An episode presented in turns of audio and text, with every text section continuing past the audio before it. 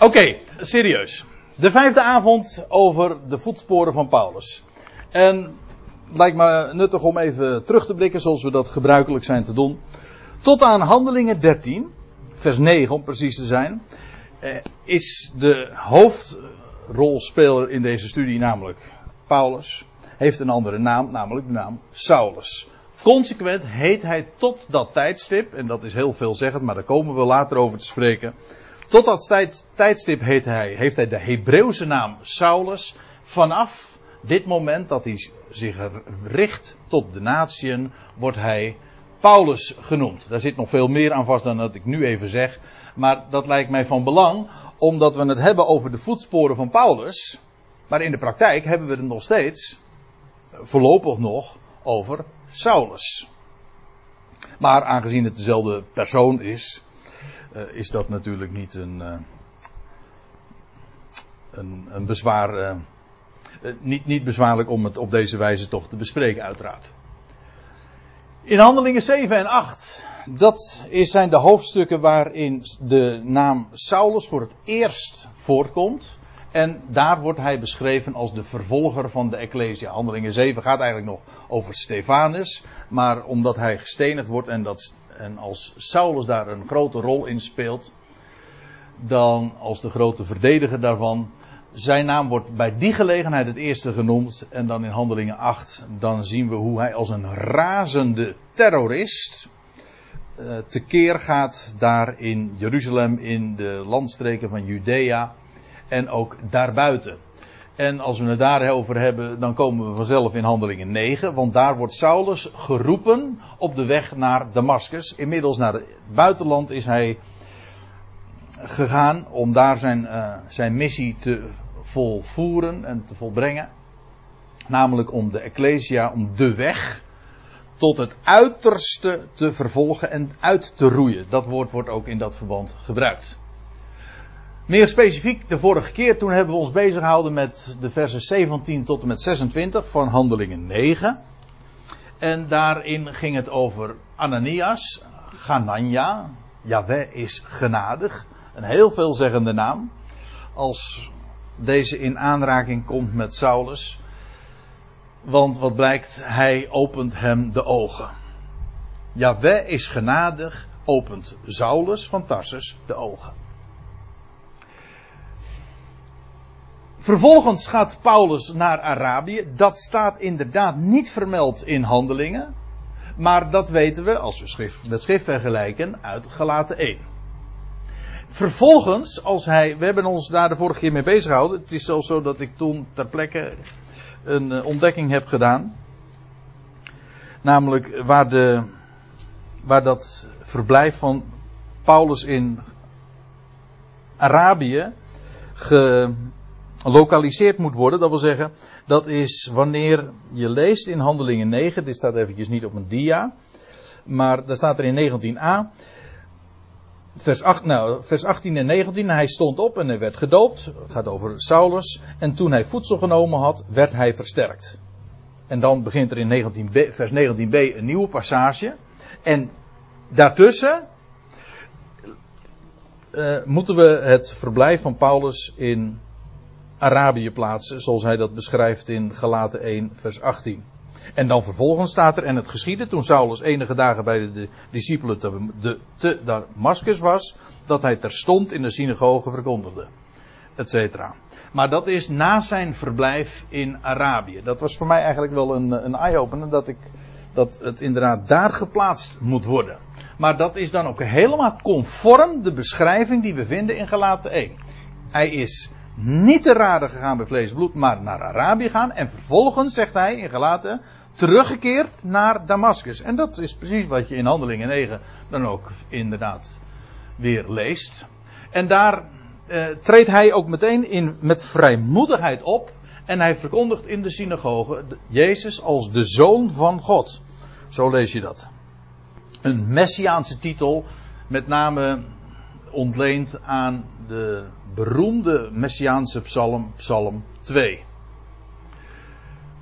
Dan wordt er vervolgens door de enorme krachtige prediking van Saulus, dat roept heel veel weerstand op, En dat is heel karakteristiek meteen. Bedoel, hij treedt op in, in Damascus. De eerste de beste plaats. Waar hij dan inderdaad in het openbaar optreedt en en, en, spreekt en predikt. Uh, meteen dat het een massieve weerstand van de Joden oproept. En die hem dan vervolgens ook proberen te vermoorden. Maar dat mislukt.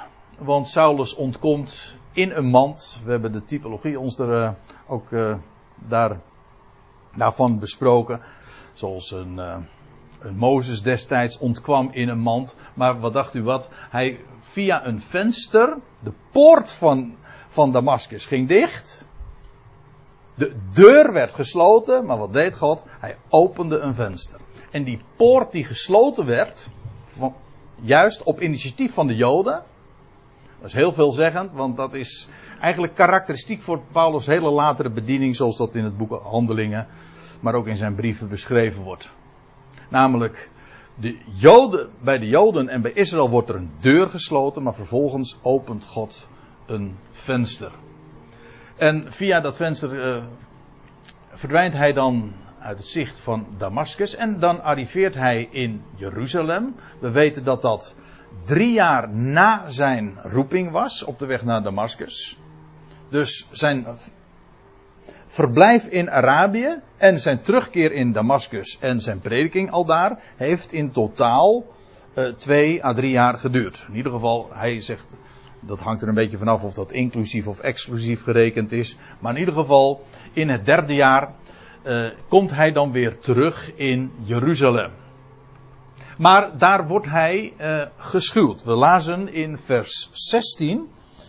En te Jeruzalem aangekomen. Ik zeg vers 16, maar ik bedoel vers 26. Dat is het laatste vers wat we de vorige keer hebben besproken. En te Jeruzalem aangekomen trachtte hij zich bij de discipelen te voegen. Maar alle schuwden hem. Daar zij niet konden geloven dat hij een discipel was. Wellicht ook hebben ze gedacht aan een geheim agent die alsnog uh, zich op die manier probeerde de, de boel te spioneren om alsnog zijn slag te slaan of zo. Ze konden het niet geloven. Nou, en daar zijn wij de vorige keer geëindigd. En dus dat betekent dat we nu de draad oppakken bij vers 27 van Handelingen 9.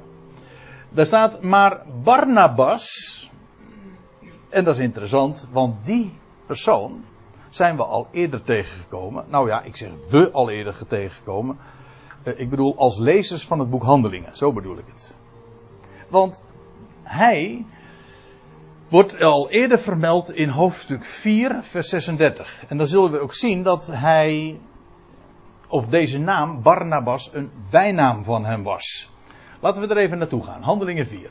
Dan lees je in vers 36 dit. En dit, is, dit zijn net de versen die pal voorafgaan aan de, aan de dramatische geschiedenis van Ananias en Safira. En, eh, nou ja, het blijkt ook wel uh, hoe groot het contrast is, enerzijds tussen deze laatste personen en deze Barnabas. Er staat in vers 36 dit. En Jozef, die van de apostelen de bijnaam Barnabas gekregen had. Maar het interessant is vervolgens, hij gaat nog een hele grote rol spelen in het boek Handelingen. Later in de geschiedenis zullen we hem uh, weer tegenkomen. We zullen het nog vaak over hem hebben en ook over zijn rol, zijn betekenis. Maar goed, we hoeven daar niet op vooruit te lopen. Hier vinden we dus zijn eerste vermelding. En Jozef, dat was zijn naam. Die van de apostelen de bijnaam Barnabas gekregen had. En als we niet weten wat dat betekent, dan is Lucas ons, uh, komt ons tegemoet. Want hij zegt wat letterlijk vertaald dan betekent zoon der vertroosting. Maar u ziet hier in de interlineair, dat betekent letterlijk zoon van de bemoediging. Dat hier, dit woordje, uh, hier is het paraklesis. Uh, paraklesis, sorry. Uh, wij hebben het er vaker over gehad. Dat uh, wordt vertaald met in de MBG-vertaling met vermanen, vertroosten, aanmoedigen, bemoedigen. En de interlineair geeft het uh, consequent dan weer met bemoedigen of aanmoedigen. Letterlijk is het naastroepen, zoals u ziet. Dat is wat zijn naam betekent. Hij is de zoon van, de zoon van bemoediging. En bovendien, er staat bij, hij was een leviet. Interessant in dit verband is erbij te vermelden dat een leviet geen erfdeel had gekregen in het land. Ik bedoel, alle stammen van het land kregen een bepaald lotsdeel toebedeeld. Een erfdeel dat aan de familie toekwam. Of aan de stam toekwam. Maar uh, de stam van Levi uh, kreeg niet zo'n erfdeel in het land. En dan wordt er ook nog, dat wordt nog gemotiveerd ergens in de boeken van Mozes. Namelijk hun erfdeel, hun lotsdeel is de Heere, is Yahweh. Maar goed, hij, had, uh, hij was een leviet. En voordat ik daar nog even op doorga. Maar in elk geval, er staat bij, hij was uit Cyprus afkomstig. Zullen later ook zien dat als, uh, als Paulus en Barnabas, Saulus en Barnabas, of Barnabas en Saulus, zo moet ik het zeggen, uh, vervolgens vanuit Antiochië uh, erop uit gaan trekken, dan is het eerste land wat zij aandoen, of het eerste eiland, dat is Cyprus. Dat is namelijk waar Barnabas, oftewel Jozef, vandaan kwam.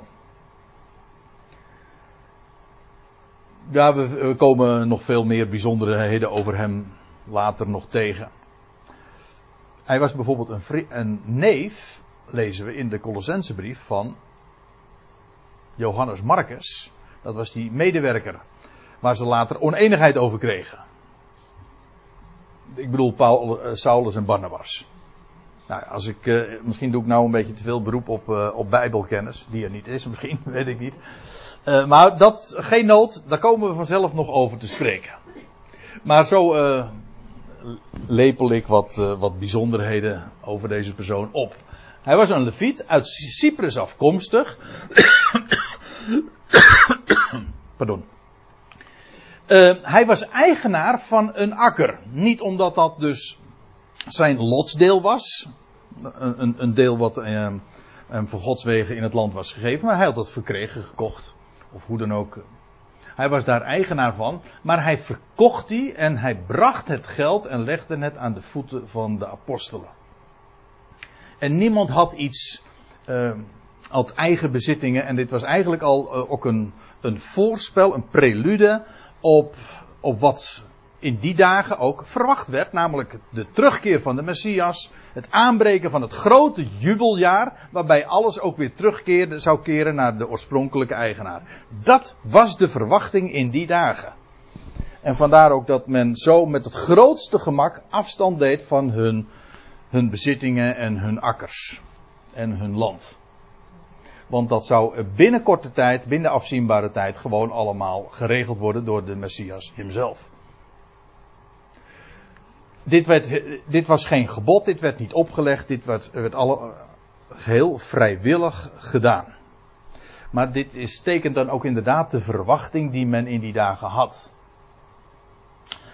Maar daar wil ik niet te veel over zeggen, want daar gaat het nou even niet om. Het gaat er even om dat als in Handelingen 9 Barnabas ter sprake komt, dan is dat niet de eerste keer, dat is de tweede keer. Hier lezen we dus dat deze Barnabas, uh, dit is zijn eerste vermelding, hij was bekend onder de, de apostelen. En als u mij vraagt, nee, als u mij vraagt, ik durf het zelfs nog uh, veel vrijmoediger te zeggen, hij was ook een apostel. Dat lezen we in Handelingen 14, vers 14 als ik me niet vergis. Maar goed, daar komen we nog wel over. Hij was ook een apostel en hij behoort dus toch ook tot degene die de Heer in de opstanding gezien heeft. Dat kan niet missen. Want dat is namelijk een kenmerk van een afgevaardigde van Christus Jezus. Hier dus zijn eerste vermelding. Over deze Barnabas hebben we het. Dus Paul, ik uh, moet altijd een beetje omschakelen. En ik heb altijd moeite, maar laten we het consequent houden. Saulus, want dat is zijn naam hier nog, arriveert in Jeruzalem vanuit Damascus. En daarin in Jeruzalem is, zijn ze allemaal kopschuw. Ze willen eigenlijk niks met hem te maken hebben. Ze zijn bang van hem. Zo'n uh, illustre of zo'n uh, beruchte terrorist, ja, daar pap je het niet uh, gauw mee aan. Daar was men veel te argwanend voor. Maar dan is het Barnabas, die Barnabas, Jozef, Joos, Jozef, die zich, het uh, trok zich zijner aan, lees je dan in de MBG-vertaling. U ziet dat het letterlijk in de interlineair vastpakkende. Aangrijpen. Zo wordt het. Uh, ook aangrijpen is ook het woord wat in de MBG-vertaling heel dikwijls daarvoor gebruikt. Hij, hij pakte hem vast. Vind ik nog veel, veel beeldender. Barnabas pakte hem vast. En hij, en wat hier dus uh, beschreven wordt, dit gaat heel typerend worden voor de latere geschiedenis, want deze twee, die gaan samen nog zoveel meemaken. En de zogenaamde eerste zendingsreis, dat is de zendingsreis van deze twee figuren, Barnabas en Saulus. Hier ontmoeten zij elkaar voor de eerste keer. Terwijl ik het zeg, kan ik, uh, moet ik er meteen eventjes een, een, een vraagtekentje bij zetten, want dat kan, ik niet helemaal hard, kan ik niet helemaal hard maken. Want het zou natuurlijk altijd kunnen dat ze elkaar al kenden.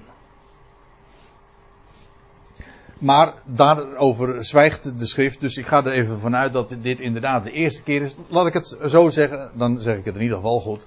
Hier lees je voor het eerst dat Barnabas Saulus treft. En hij pakt hem vast, hij grijpt hem aan en hij brengt hem bij de apostelen. Of bij de afgevaardigden. Dat is het echte woord natuurlijk. Wat hier de technische uitdrukking altijd is voor de afgevaardigden van Christus. Nou moet ik erbij zeggen, dat zijn niet de twaalfen. Dat is heel gemakkelijk aan te tonen. Er staat hier trouwens ook de apostelen. Daar, daar, je kunt daaronder verstaan van alle apostelen, maar dat, dat is niet wat er staat. De apostelen, dat kan namelijk ook betekenen de belangrijkste apostelen. De apostelen. En dat dat inderdaad de gedachte is, dat weet ik met zekerheid te zeggen. Want wat lezen we namelijk in Galaten 1, vers 18 en 19. En we zullen dat schriftgedeelte uh, nog wel vaker tegenkomen. Juist in deze, deze eerste avonden over dit thema. We hebben het trouwens in de voorgaande avonden ook al verschillende keren gezien. Waarom is dat zo belang, belangrijk? Omdat in Galaten 1 Paulus een beschrijving geeft over hoe, hoe hij geroepen werd. En vervolgens wat er gebeurd is en wat hij gedaan heeft. En hoe hij hoe vaak hij naar Jeruzalem is gegaan. En wat er allemaal bij die gelegenheden is gebeurd. En hij vermeldt daar zelfs jaartallen bij. Na drie jaar, na veertien jaar. En allerlei bijzonderheden. Zodat Galaten 1 en 2 kun je gewoon zo direct naast het boek Handelingen leggen. En de chronologie die komt gewoon perfect overeen. Het, zijn, het is enerzijds Lucas die dat beschrijft en anderzijds Paulus die dat beschrijft. En dat we inderdaad bij de apostelen aan Petrus en Jacobus, of Kefas en Jacobus hebben te denken, dat weet ik omdat in Galaten 1, dan lees je, in het voorgaande verse wat dus, was dus gezegd van dat hij naar Arabië was gegaan en vervolgens teruggekeerd naar Damascus. En dan lees je, daarop ging ik drie jaar later, ik had het daar al even eerder over, daarop ging ik drie jaar later naar Jeruzalem, dus drie jaar na zijn roeping op de weg naar Damascus. Waarom? Om Kefas te bezoeken. En ik bleef vijftien dagen bij hem. Kijk, en dit is nou weer iets wat niet in handelingen staat. Maar het gaat hier over exact hetzelfde, uh, dus exact dezelfde historie, dezelfde gebeurtenis, of, of anders gezegd, het, uh, hetzelfde moment in de tijd. Ik wil er trouwens nog iets bijzonders uh, over vertellen, want er staat hier om Kefas te bezoeken. Maar pakken we nu de interlineaire bij. Hier staat trouwens het woordje, ons woord het, het, Griekse woord wat hier staat, daar komt ons woordje historie vandaan. En er staat letterlijk dus, uh, niet om Kefas te bezoeken, maar om Kefas mijn geschiedenis te vertellen. Om mijn verhaal te vertellen aan Kefas. Dit past ook helemaal in, het, in, in de uiteenzetting van Paulus in Galaten 1 en 2. Want daarin benadrukt Paulus dat hij een apostel is van Christus Jezus, niet van mens. Hij zegt, ik heb het evangelie niet uh, ontvangen van een mens en ook niet geleerd door een mens. En hij gaat dat ook aantonen in de Galatenbrief. En dan zegt hij dat hij eigenlijk met Jeruzalem uh, nauwelijks wat te maken gehad heeft. En, hij, en die keren dat hij dan in Jeruzalem geweest is en een ontmoeting gehad heeft met de apostelen.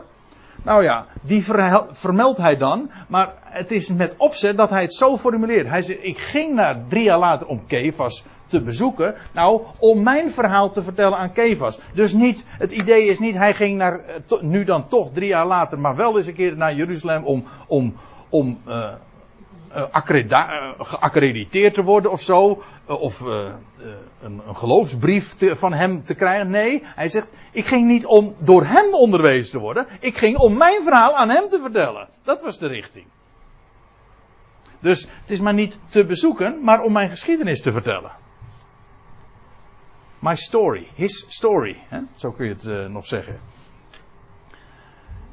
Zijn verhaal te vertellen. En zegt hij dan, ik bleef 15 dagen bij hem. En zegt hij er dan nog bij, en ik zag geen ander van de apostelen dan Jacobus, de broeder des Heren. En hier uh, suggereert ook de formulering ook dat deze Jacobus, dit was dus niet een van de twaalf. Ja, sorry dat het, dat is wat ingewikkeld, want er zijn nogal wat Jacobussen, Jacobs. Maar deze Jacobus is niet de een van de twaalf, maar dat is de broeder des Heren. Een half, eigenlijk moet ik zeggen, een halfbroer van de Heer. Zo wordt hij hier genoemd. En hier zien wij dus dat er sprake is van twee apostelen. Kefas, maar ook Jacobus is een, wel degelijk een apostel, want zo wordt hij hier genoemd. Ik zag geen ander van de apostelen dan Jacobus. Dat suggereert dat Jacobus ook een apostel is. En dat, je moet daar goed in de gaten houden. Hij hoort dan weliswaar niet bij de twaalf, maar hij is wel degelijk, hij heeft een ontmoeting gehad, weten we, met de opgestane Heer. Dat weten, we dan weer uit 1 Korinthe 15. De Heer is ooit een keer verschenen, speciaal, en niet alleen aan Kefas, maar ook een keer specifiek aan Jacobus, deze Jacobus. Die ooit een ongelovige was, die moest niks, hij moest niks hebben van zijn broer Jezus.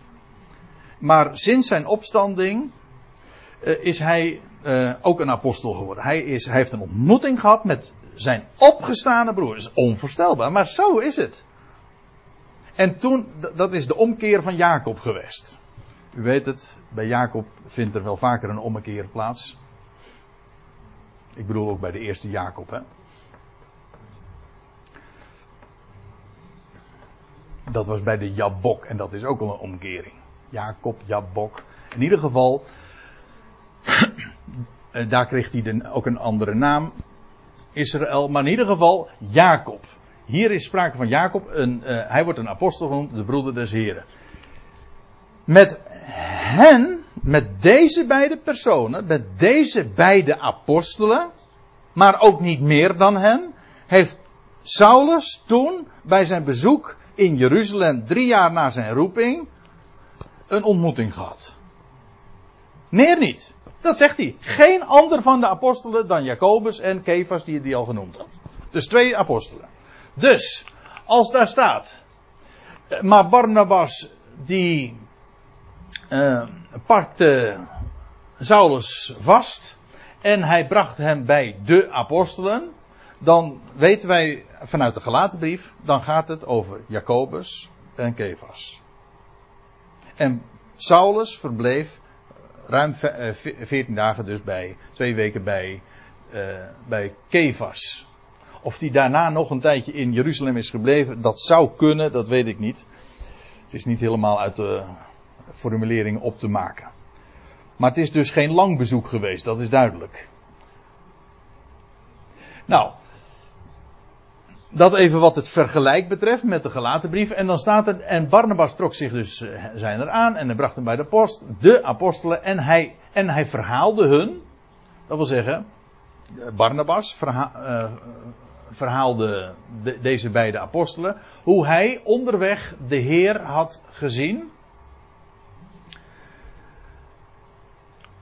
En wat we, waar we het zojuist al even over hadden, dat is juist een kenmerk van een apostel. Daarom is Kefas een apostel. Daarom is ook zelfs de broeder des Heren, Jacobus, een apostel. Maar ook hij, maar Saulus heeft ook onderweg naar Damascus de Heer gezien.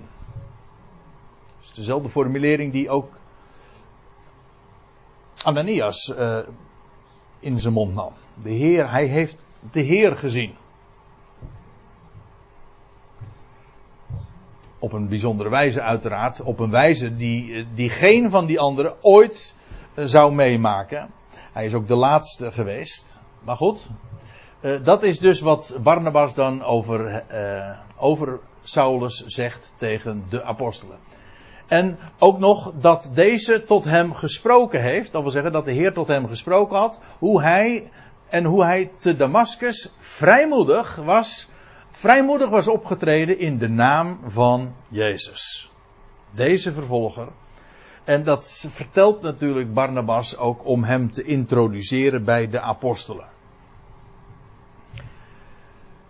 En Barnabas die neemt het helemaal voor hem op en ontfermt zich over Saulus. Die natuurlijk in een heel lastig parket zat. Nu hij daar in Jeruzalem aankwam. Nou, en dan staat er, en hij bleef met hen. Nou ja, hij was met hen. En we lazen al eerder, dat was dus 15 dagen en misschien nog uh, een korte tijd langer. Maar dat is in ieder geval wat we weten. En hij was met hen. Uh, in, er staat er ingaande of binnengaande en uitgaande. Dat is een, trouwens een echte, dat noemen ze een Hebraïsme, een Hebreeuwse manier van zeggen. Dat wil zeggen, hij vertoefde met hen. Hij ging in en uit uh, in, daar in Jeruzalem.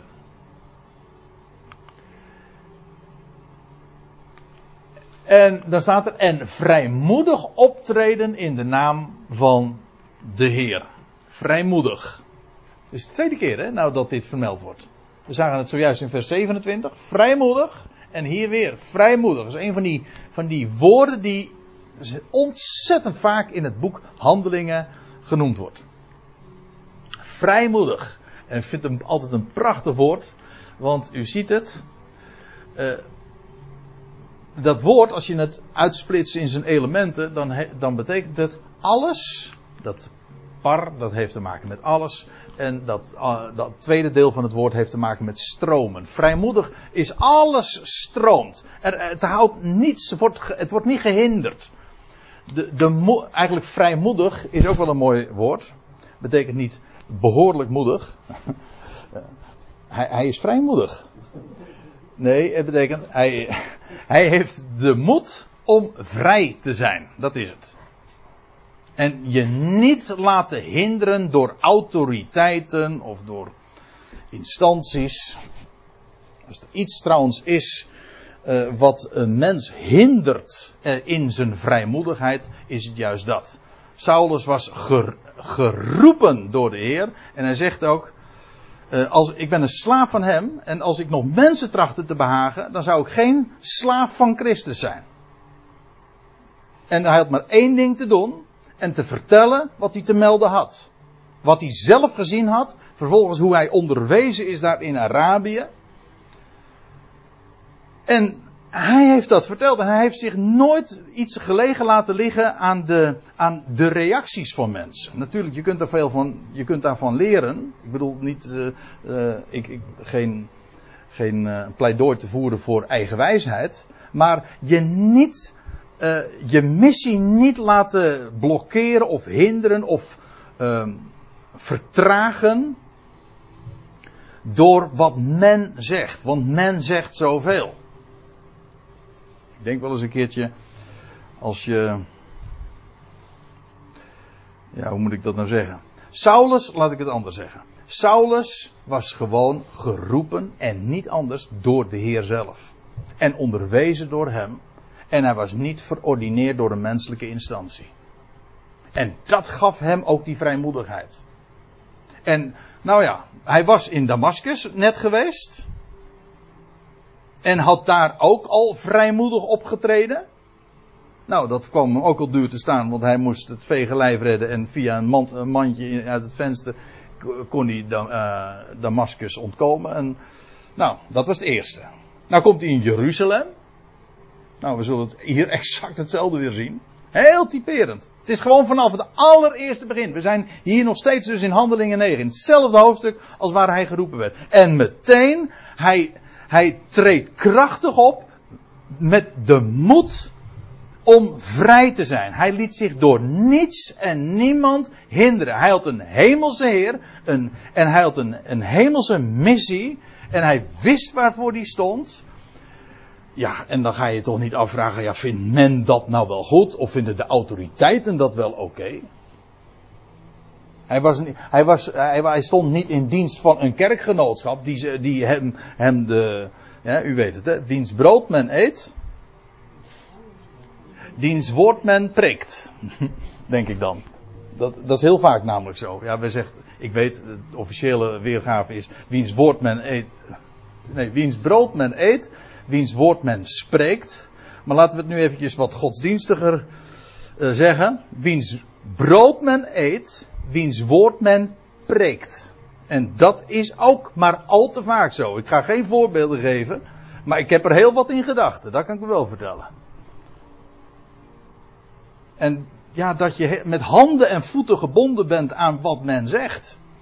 En op een gegeven ogenblik, als de band dan wat losser wordt, bijvoorbeeld je gaat met emeritaat en je bent er niet meer zo van afhankelijk, nou dan, ben je, dan worden mensen ineens wat, wat loslippiger, eh, loslippiger zeggen ze dan, hè. Maar krijgen ze ineens wel de moed.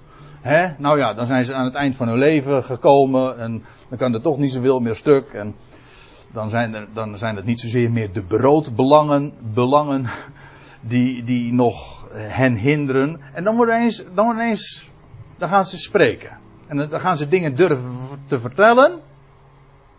Die ze hun hele leven verzwegen hebben. Ze wisten wel dat het zo was, maar ze vertelden het niet. Vrijmoedigheid. Hoe vaak, hoe vaak kwamen we het ook niet trouwens tegen? Was ook, het is namelijk nog een sleutelwoord in de Hebreeënbrief. Werp uw vrijmoedigheid niet van u. Dat wil zeggen, het is een, wees daar zuinig op. Je vrijheid, sta in die vrijheid. Maar ook om te spreken. Dat wat je weet, dat het is, zeg het ook. Dat geldt, en dat geldt ook voor de, de, de kostbaarste waarheden. Ja, ik bedoel, er zijn, zijn menselijkerwijs gesproken. Sorry dat ik nog eventjes hierop doorga. Maar de kostbaarste waarheden, die liggen vaak niet lekker. Laat ik het maar heel uh, eufemistisch zeggen. Als je erover spreekt. Want ja, mensen kunnen je met de nek aankijken. Dat is ongeveer de zwaarste prijs die we hier in ons tolerante, democratische Nederland of in dit westerse werelddeel tegenkomen. Dat mensen je met de nek gaan aankijken. Of dat je niet meer welkom bent. Dus ongeveer, dat is de zwaarste prijs die wij hier moeten betalen. Dat is andere koek als wat, uh, wat Paulus in zijn dagen meemaakte natuurlijk. En daar, uh, daar zijn we soms al zo enorm. Ja, we doen daar zo. Uh, wij, we, doen daar zo gewichtig over. Alsof dat zo van belang is. Ik vind dit een prachtig voorbeeld. Vrijmoedig trad hij op in de naam van de Heer. Kijk, als je dat weet, als je weet wat die naam van de Heer waard is, en dat het de Heer is, van wie jij dus een slaaf bent, je bent zijn eigendom, dan heb je dat te spreken. Zo, hoe, hoezo wat anderen aangenaam vinden, of wat anderen ervan vinden. Dat is volstrekt oninteressant. En daarom stroomde alles bij hem. En hij sprak, en hij reden twisten. U ziet, hij discussieerde. Ja. En uh, vond ik nog iets leuks moois. Want dit, dit woord, discussiëren, komt trouwens, met, nou ja, dat is niet helemaal waar wat ik nu zeg. Het komt wel vaker voor, maar in, in deze vorm uh, maar één keer. Maar in elk geval, het is afgeleid van twee elementen. En dat is samen zoeken. En dat vind ik mooi. Echt, echte discussie, dat is maar niet de ene standpunt tegenover de ander zetten, alleen maar confrontatie. En, en als de ander spreekt, dan ben jij eigenlijk alleen maar bezig met je. Is een onderbreking van je eigen betoog, zeg maar. Maar dan is het. Dat is niet, dat is niet dit woord. Dit, dit discussiëren betekent letterlijk in het Grieks. Het is samen zoeken. Samen zoeken naar de waarheid namelijk, hoe het zit. Nou, in ieder geval, dat is uh, dat woord wat hier gebezigd wordt. Ik moet er trouwens bij zeggen dat, uh, dat zijn opponenten een andere standpunt op nahielden. Maar ik, ik heb het nu, daar heb ik het even nu niet over. Maar ik, het ging me nu eventjes om de, om de mooie betekenis van dat woord discussiëren. Vanuit zijn, vanuit zijn elementen. Afijn, uh, Saulus hij trad vrijmoedig op. Hij sprak, hij discussieerde met de Grieks sprekende Joden. U ziet hier, het zijn de Hellenisten. En Hellenisten, dat zijn dus niet de Grieken, dat is weer een ander woord. Het zijn de Grieksen. Dat zijn de mensen die door uh, de, de Griekse cultuur zijn beïnvloed, gehelleniseerd. En de vertaling, de MBG-vertaling zegt dan Grieks sprekend. Dat zou kunnen. Dan ben je ook Grieks. Maar misschien is dat wel een beetje te mager. Het is niet alleen maar een kwestie van de taal van Griekenland spreken. Maar het heeft ook te maken met Grieks denken. U kent, die, u kent dat toch wel, Grieks denken en Griekse cultuur. Kortom, het is meer dan alleen maar de taal van Griekenland spreken. Het is beïnvloed zijn door, uh, door, door de Hellenen, door de, door de Grieken. Dus vergriekst zijn. De eerste vermelding is trouwens in Handelingen 6, vers 1. Ik heb er geen diaatje van, maar nou denk ik bij mezelf, laat ik hem toch even opslaan. We komen hem namelijk maar drie of vier keer tegen, deze uitdrukking. Of dit woord, Hellenisten. En er staat in Handelingen 6, vers 1. En toen in die dagen de discipelen talrijker werden, ontstond er gemor bij de Grieksen. Er staat hier weer de Grieks sprekende. De dat is wel interessant, want de betekenis van een woord zie je ook vaak aan de wijze waarop het gebruikt wordt en ook door het contrast, door de antoniemen zoals dat heet. Er staat hier, en eh, ontstond een gemor bij de Hellenisten tegen de Hebreeën, omdat hun weduwen bij de dagelijkse verzorging verwaarloosd werden. Doet er nu even niet toe. Het gaat me eventjes om. De Grieksen worden hier afgezet tegen de Hebreeën. Je hebt dus Hebreeën, degene die Hebreeuws dachten, spraken, en de Grieksen, de Hellenisten. Wel. En wat was Paulus? Dat is dan een interessante vraag trouwens. Ja, hij zegt, ik was een Hebreeër der Hebreeën. In Filippenzen 3 zegt hij dat. En toch, hij was ook een Hellenist. Want hij kwam uit Tarsus. Een Hellenist is toch ook een gedachte?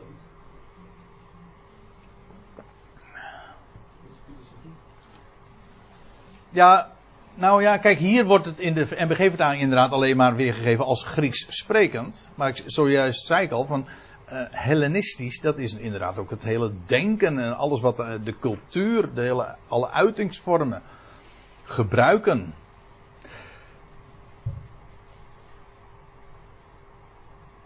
Ze waren Grieks, vergriekst. Ik denk dat het hier, het gaat hier in elk geval ook over Joden. In Hebreeën, eh, pardon, in Handelingen 6 is onmiskenbaar, het gaat alleen, daar waren nog helemaal niet uh, heidenen of uh, niet-Joden in, in, in de picture. Het gaat dus echt heel uitdrukkelijk over de Griekse Joden. elders lees je ook over de, over de Griekse verstrooiing.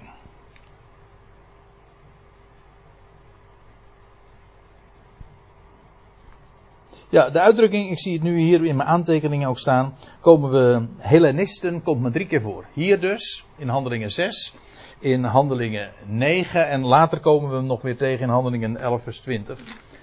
En, eh, en dat is het. Hellenisten, Grieksen. Eh, Maar deze, het gaat dus over die, hij, hij discussieerde, hij sprak met, die, met de, de Hellenisten. En u ziet trouwens, nee, dat is trouwens ook weer interessant. Er wordt hier niet eens gezegd dat, dat Joden zijn, dat wordt verondersteld. Maar het zijn Grieksen. Hij sprak dus met de Hellenisten, maar deze trachten hem om te brengen. Ja, dat is dan ook nog eh, wel aardig. Nou ja, voor zover je in dit verband aardig kan noemen. Ja, dat is heel heftig. Ja. ja het is grappig dat je dat nou zo zegt, Ed. Want eh, vanavond lazen we nog aan tafel een, een, eh, een stukje uit. eh, ook uit het boek Handelingen. Toen waren we in Handelingen 5. En toen, zei ik, en toen had ik dat, die passage ook afgesloten. Ik zeg, dat was eh, al een zeer heet gebakende setting, zeg. Zoals dat er aan toe ging. Maar dat zie je inderdaad hier ook weer. Ik bedoel, dit. dit ze hadden het echt ergens over. Het ging ergens om. Kijk, wij, wij leven natuurlijk in een hele tolerante tijd. En wij eh, doen ons er ook, eh, we laten ons er ook op voorstaan. Maar ik denk dat het. eh,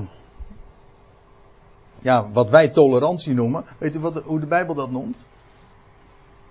Heet nog koud. Dat is eigenlijk het. Hè? Lauw dus. Ja. Ik bedoel, daar kun je wel een heel mooi etiketje op plakken van ah, wij zijn tolerant. Eh, of je het nou zus ziet, dat maakt niet uit. Zo ook, allemaal prima. En dan zeg je, je, je bent tolerant. Dat is een hele positieve benaming. Maar je kan ook zeggen, je bent gewoon pislauw. Je bent heet nog koud. Maakt je namelijk helemaal geen ene donder uit of het nou zus of zo is. Kijk, hier hadden ze het echt wat over. Het ging over de vraag wie is de Messias. Paulus zegt dat is Jezus van Nazareth. De Nazarener. En hij toonde dat aan en de schriften gingen open. En dat was maar niet zo, nou ja, als het anders ziet is ook allemaal helemaal geen, enkel punt. Hè? Nee, het ging ergens over. Daarmee, daarmee be- be- beweer ik niet dat wat deze mensen dus trachten te doen, dat het dus eh, niet, geen kwalijke zaak zou. Maar het ging, het, er wordt in ieder geval duidelijk dat er enorm veel op het spel staat. En dat is wat hier natuurlijk wel heel duidelijk tot uitdrukking komt. Ik wil nog eventjes daar naartoe gaan voordat we gaan pauzeren. Naar handelingen 22 vers 17. Want in deze tijd, in dat Saulus dus drie jaar na zijn roeping in Jeruzalem is en een ontmoeting heeft met de apostelen, te weten Kefas en Jacobus. In die tijd dat hij ook redetwisten, discussieerde met deze Grieksen, de Hellenisten, heeft hij ook een visioen gehad. In de tempel. Dat weten we, want als we naar handelingen 22 gaan, en dan, u, weet wel, dat is, dat, dat het verslag dat Paulus zelf dan doet in Jeruzalem over hoe het allemaal gegaan is in zijn verleden en hoe hij geroepen is, et cetera. En dan, ja, goh, nou sla ik net bij, begin ik bij vers 17, maar ik moet eigenlijk, ik zoek het even op, want